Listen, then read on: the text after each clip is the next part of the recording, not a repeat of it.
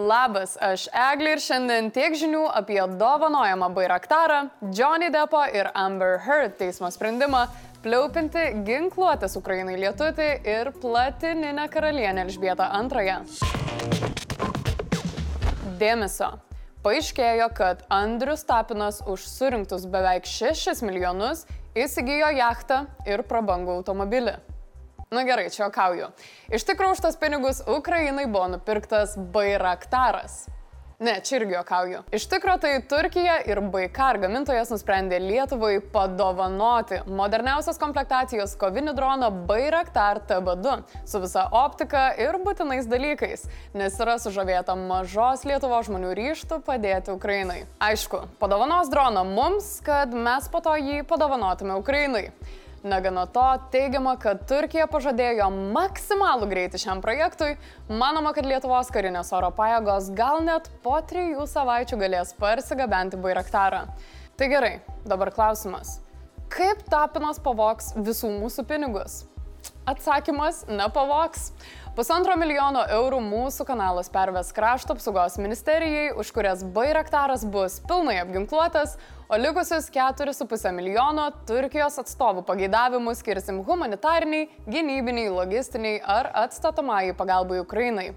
Daugiau detalių apie visą tai galėsit sužinoti rytoj per tiesioginę transliaciją Laisvės TV.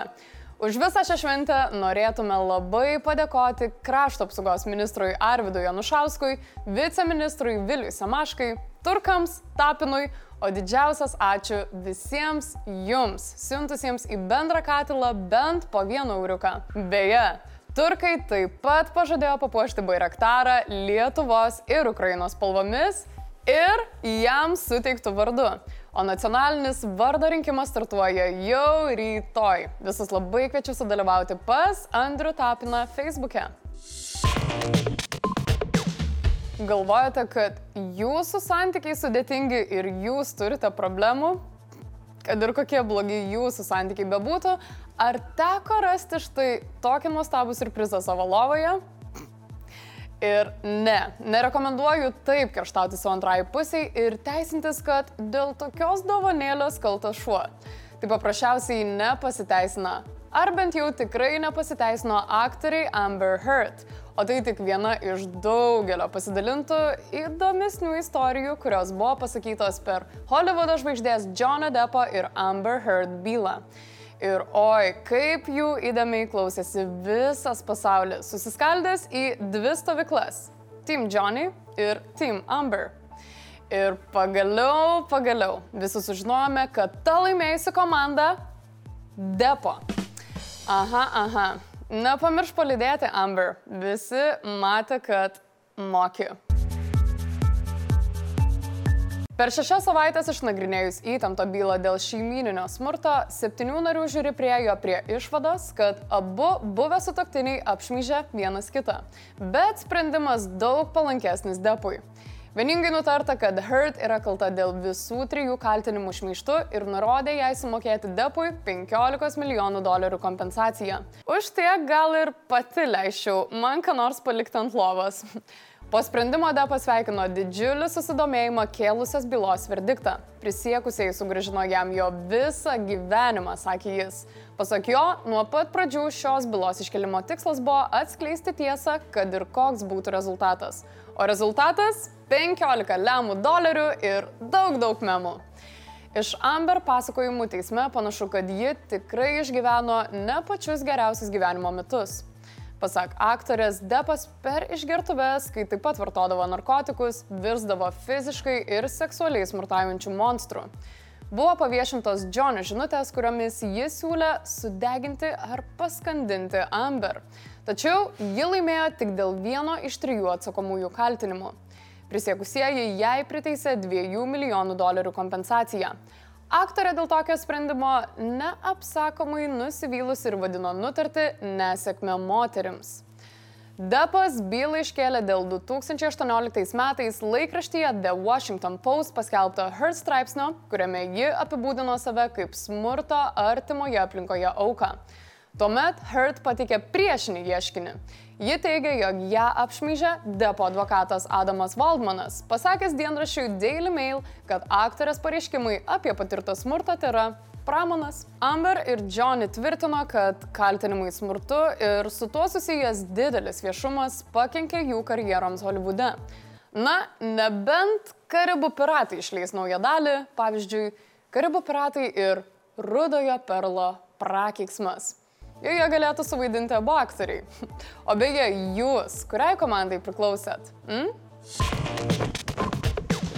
Kol Rusijos pradėtas karas Ukrainoje tęsiasi, atsiranda vis daugiau balsų prašančių Putino jį sustabdyti. Šį kartą į karo nusikaltelį kreipiasi Pele. Mm, ne graužikas, o legendinis brazilų futbolininkas.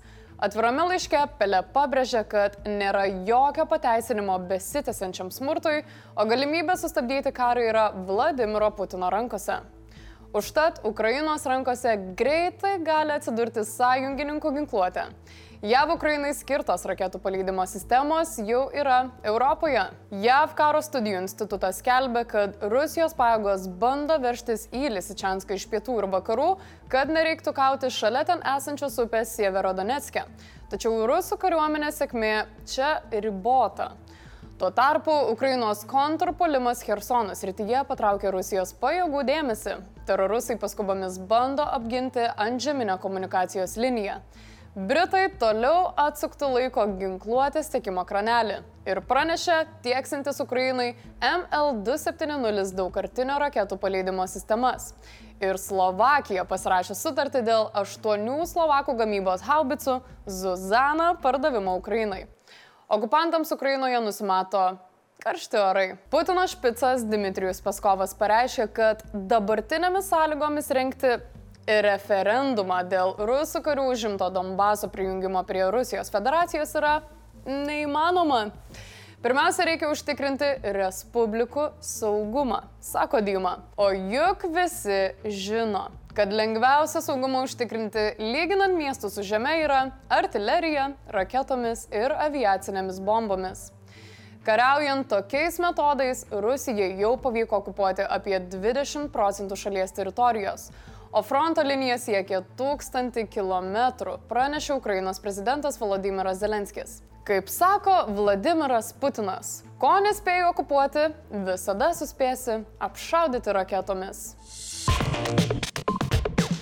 Junktinės karalystės karalienė Elžbieta II šiandien švenčia. Jos platininio karaliavimo jubiliejaus proga Londone vyko didelis paradas. Maždaug 10 tūkstančių žmonių dalyvavo muzikinėje eisenoje, kuria norėta parodyti, kaip pasikeitė Britų visuomenė nuo 1952 metų, kai karalienė įžengė į visai kitaip atrodžiusios šalies sostą. Karalienė visiems pasirodė iš Beckingemo rūmų balkono. Šventė truks keturias dienas, tad viską paminėti galima su tranksmu. Po dviejų metų pertraukos vyko dėl pandemijos atšauktas tradicinis vėliavos pagerbimo paradas. Miestą taip pat užpildė šūvių salvės, bet čia viskas pagal planą. Virš 140 pabūklų ir ginklų šūvių pagerbė Elžbietą.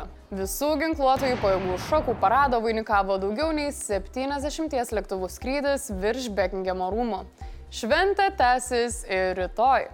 Londono Švento Paulius katedroje vyks nacionalinės padėkos pamaldos, o šeštadienį maždaug 22 tūkstančiai svečių dalyvaus Bekingemo rūmose vykstančiame koncerte. Galiausiai sekmadienį daugiau nei 70 tūkstančių žmonių ruošiasi renkti didžiuosius jubiliejinius pietus. Dar 10 milijonų šalies gyventojų turėtų dalytis maistu ir draugiškumu su savo kaimynais. Prancūzijos prezidentas Emanuelis Macronas karalieniai šią progą padovanojo gvardijos žirgą. Septyniarių metų Eržilą, tuoj pabandysiu ištarti, Febiliu de Meku. Puikia dovana, žinant karalienės pomėgių jodinėti. Mes dovanų neturim, bet labai labai sveikinam. Blitz naujienos. JAV Oklahomos valstijos Talsos mieste užpolikas St. Francis ligoninėje nušovė mažiausiai keturis žmonės. Įtariamasis, kuris buvo ginkluotas šautuvu ir pistoletu, taip pat žuvo per išpolį.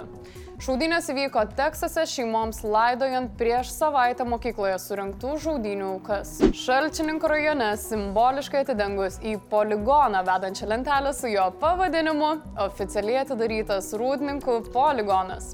Poligonas kuriamas siekiant sudaryti tinkamas sąlygas Lietuvos kariuomenės ir NATO sąjungininkų karių rengimui bei aukštai koviniai parinkčiai palaikyti. Lietuvoje bus siekiama uždrausti propaguoti totalitarinių, autoritarinių režimų simbolius, asmenis, įvykius.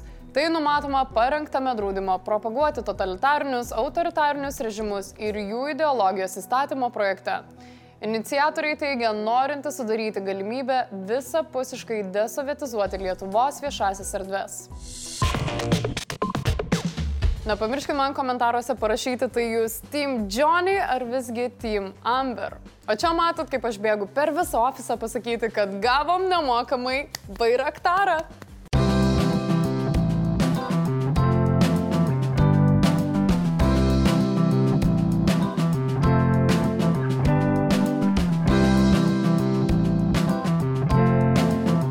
Ačiū, kad buvo, čia buvo Eglė ir gero visiems savaitgalio.